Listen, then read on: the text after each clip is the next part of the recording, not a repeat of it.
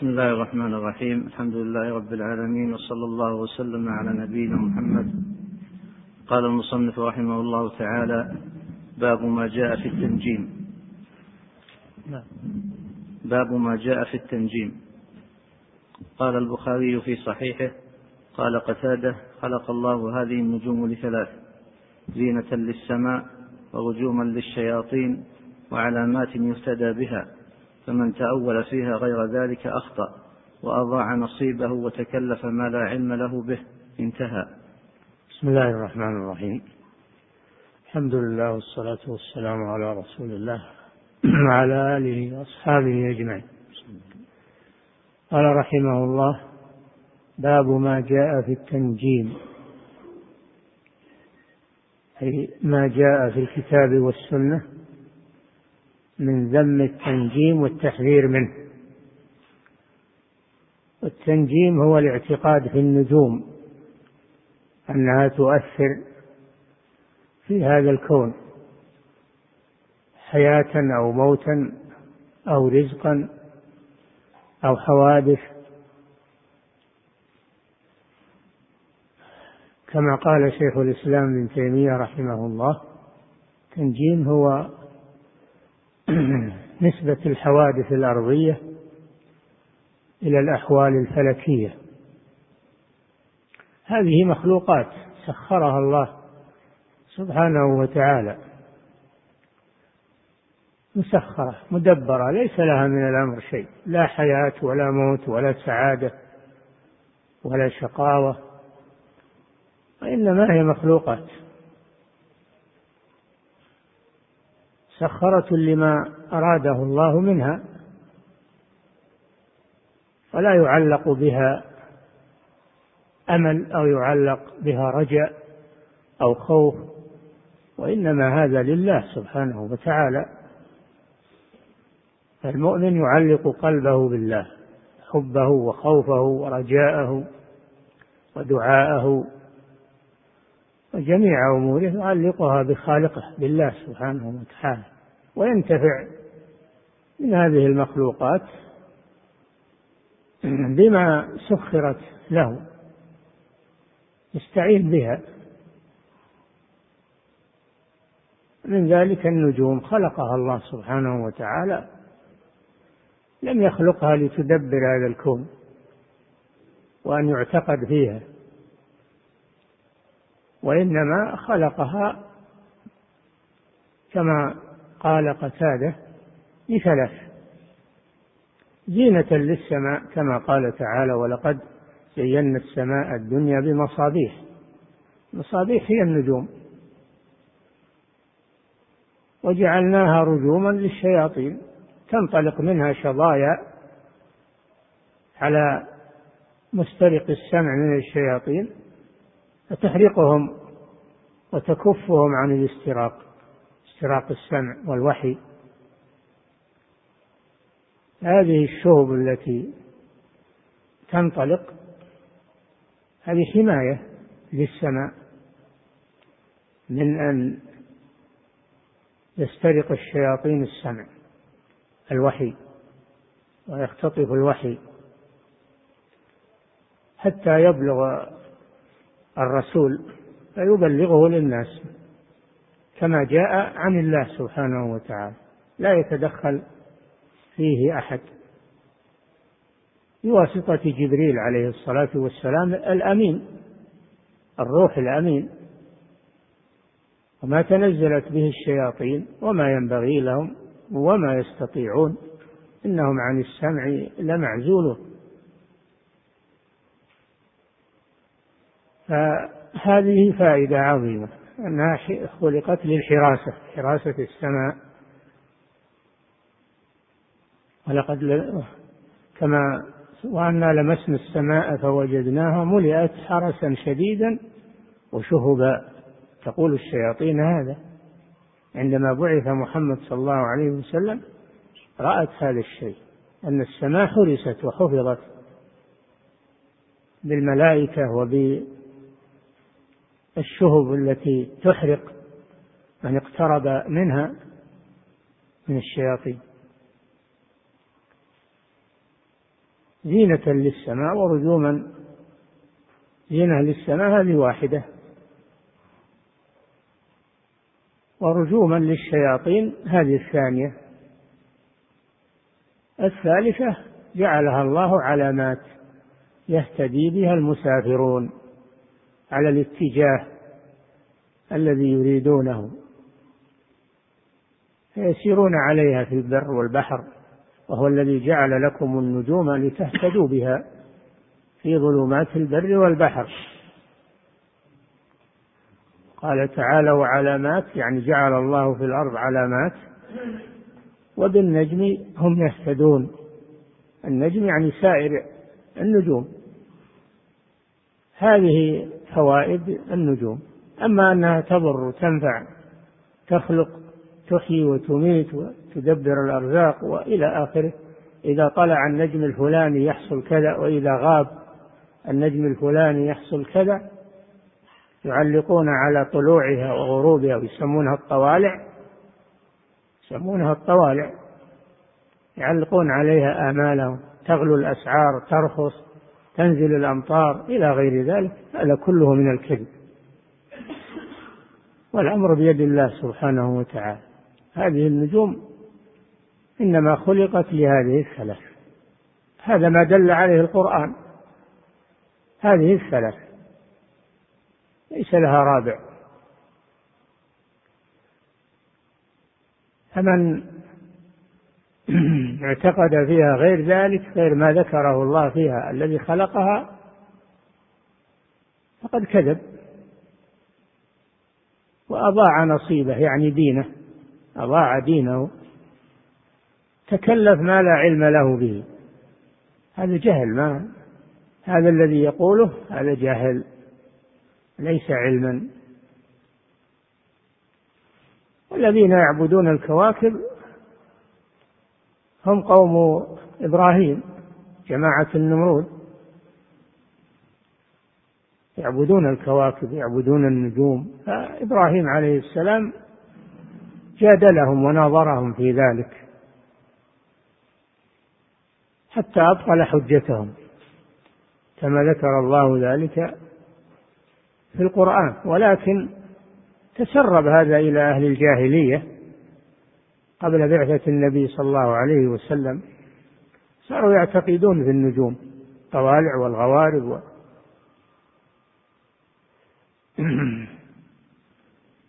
وهذا يبقى في هذه الأمة بعد البعثة لم ينقطع.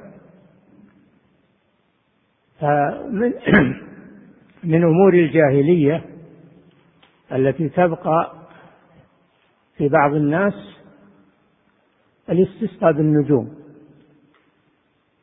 هو من أمور الجاهلية فالذي يعتقد أن المطر يحصل من تأثير النجوم أو من طلوعها أو غروبها فهذا من اعتقاد الجاهلية لأن الأمطار بيد الله سبحانه وتعالى. هو الذي ينزلها وهو الذي يحبسها وهو الذي يسوقها ويدبرها. ليس لأي مخلوق لا النجوم ولا غيرها ليس لها تدخل في إنزال المطر أو حبسه. إذا شاء الله أنزله وإذا شاء حبسه بيده سبحانه وتعالى. هذا اعتقاد السليم الذي عليه الأنبياء والمرسلون وأتباعهم وأهل التوحيد وأهل العقيدة. وما عدا ذلك فهو خرافات. جهالات وضلالات وفساد عقيدة فساد التصور انحراف إلى غير ذلك من الآفات. نعم.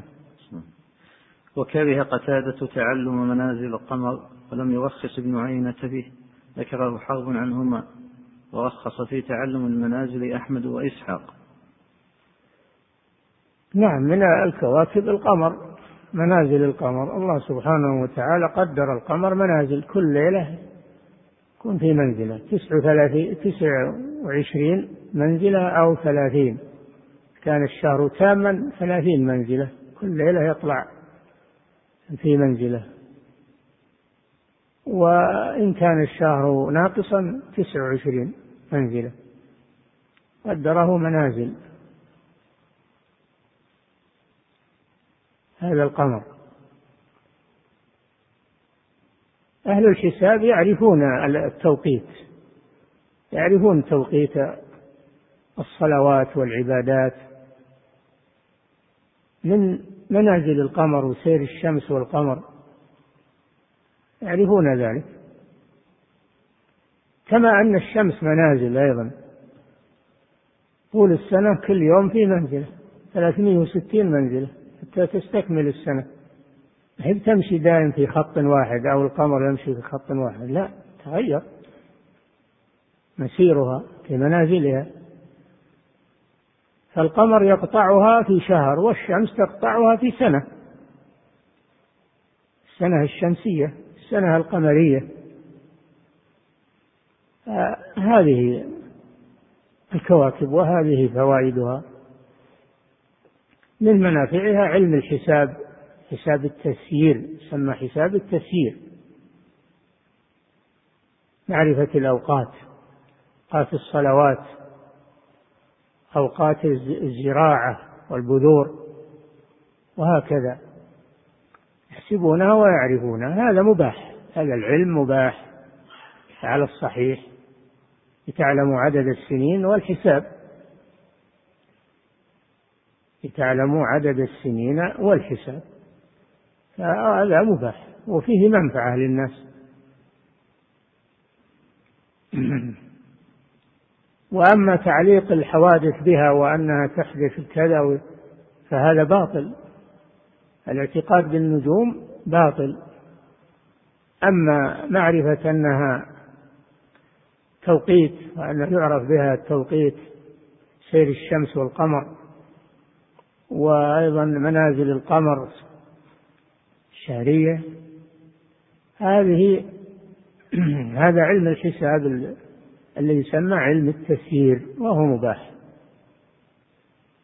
وهناك حسابون وهناك يعرفون هذا الشيء ويتقنونه. فهذا مباح. أما اعتقاد أن أنها تؤثر في هذا الكون وأنها يتعلق بها آمال فهذا باطل وهذا اعتقاد الجاهلية. فعلم التنجيم على قسمين علم مباح وهو علم التوقيت والحساب وعلم محرم وهو بل هو جهل ليس علما لكنهم يسمونه علم هذا باطل ولا أصل له. نعم. وعن أبي موسى رضي الله عنه قال قال رسول الله صلى الله عليه وسلم ثلاثة لا يدخلون الجنة مدمن الخمر وقاطع الرحم ومصدق بالسحر. رواه أحمد وابن حبان في صحيحه. ثلاثة لا يدخلون الجنة إما أنهم لا يدخلونها أبدا لكفرهم وشركهم وإما أنهم لا يدخلونها لمعاصيهم. والكبائر التي فعلوها لا يدخلونها من أول أمر يعذبون في النار. ويدخلون الجنة بعد ذلك لأنهم ليسوا كفارا وإنما عندهم كبائر اقترفوها دون الشرك ويعذبون بها. لا يدخلون الجنة. هذا وعيد شديد. يزجر عن هذه الأمور الثلاثة ثلاثة لا يدخلون الجنة. نعم. مدمن الخمر. مدمن الخمر. الأول مدمن الخمر. الخمر خبيث. مفسد للعقول. ومفسد للأبدان. ومفسد للحياة. خمر. زجر الله عنه بقوله إنما الخمر والميسر والأنصاب والأزلام رجس من عمل الشيطان فاجتنبوه لعلكم تفلحون. إنما يريد الشيطان أن يوقع بينكم العداوة والبغضاء في الخمر والميسر ويصدكم عن ذكر الله. والميسر هو القمار لأنه أكل للمال بالباطل. المراهنات المراهنات التي يؤخذ عليها أموال طائلة. هذا هو القمار والميسر قرين الخمر والعياذ بالله. الخمر خبيث والله حذرنا منه وأوجب الحد على من شربه زجرا له وهو أم الخبائث. وأشد منه المخدرات والعياذ بالله. أشد من الخمر. فهذه أمور محرمة لأنها تضر الإنسان تضر المجتمع. والذي يدمن الخمر يدمن يعني يداوم على شربها أما اللي يشرب ويتوب منها يغفر الله له. لكن اللي ما يتوب ويستمر عليها هذا مدمن الخمر. توعده الله أنه إذا مات لا يدخل الجنة. هذا وعيد. ليس لأنه كافر إن اعتقد أنها حلال فهو كافر. وأما إن اعتقد أنها حرام لكن غلبه هواه شهوته فهذا مرتكب لكبيرة من كبائر الذنوب تحت الوعيد. شاء الله عذبه وإن شاء غفر له. لكن يقام عليه الحد في الدنيا ويمنع منها. مدمن الخمر. ومصدق بالسحر. ثاني وقاطع الرحم. قاطع الرحم. الله جل وعلا أوجب صلة الأرحام وهم الأقارب. أقاربك من جهة الأب أو من جهة الأم. تربطك بهم قرابة رحم من جهة الأب أو من جهة الأم. لهم حق عليك. من جملة الحقوق العشرة التي ذكرها الله في قوله واعبدوا الله ولا تشركوا به شيئا وبالوالدين إحسانا وبذي القربى واليتامى والمساكين إلى آخر الآية. فمن جملتها حق الأقارب. لهم حق عليك بالصلة والبر والإحسان. الرحم لها حق. حق عظيم على الإنسان. لكن هم الآن ينادون بحقوق الإنسان ولا ينادون بالحقوق التي على الإنسان. الإنسان عليه حقوق. أولها حق الله ثم حق الوالدين ثم حق الأقارب ثم حق الجيران إلى آخر الحقوق العشرة المذكورة في الآية. هم ما يقولون حق حقوق الإنسان. نفس الإنسان له حقوق لكن هل لكن ما عليه حقوق عندهم ولا يذكرون هذا الشيء. ما يذكرون الحقوق التي على الإنسان. فمن جملتها صلة الرحم والقطيعة كبيرة من كبائر الذنوب ولا يدخل الجنة قاطع رحم. هذا وعيد شديد. نعم. ومصدق بالسحر. هذا محل الشاهد مصدق بالسحر. ومنه التنجيم. قد تقول لماذا ساق هذا في الباب؟ مع أنه في السحر ليس نقول نعم لأن لأن التنجيم نوع من السحر. يأتي في آخر الباب من اقتبس شعبة من النجوم فقد اقتبس شعبة من السحر. فمن أنواع السحر التنجيم كما يأتي. توعده الله الذي يتعاطى علم النجوم الذي أنها تؤثر وأنه يعتقد فيها هذا لا يدخل الجنة إما لكفره وإما لمعصيته. نعم. فيه مسائل. نعم. الأولى الحكمة في خلق النجوم. آه، كما قال قتادة خلق الله هذه النجوم لثلاث زينة للسماء ورجوما للشياطين وعلامات يهتدى بها. ولا يزاد على هذه الأمور أنها تؤثر أو أنها تخلق أو ترزق أو نعم. الثانية الرد على من زعم غير ذلك. فمن اعتقد فيها غير ذلك فقد أضاع نصيبه تكلف ما لا علم له به. فيرد عليه بهذا؟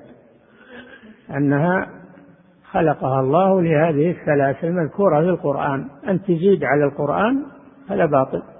نعم. الثالثة ذكر الخلاف في تعلم المنازل.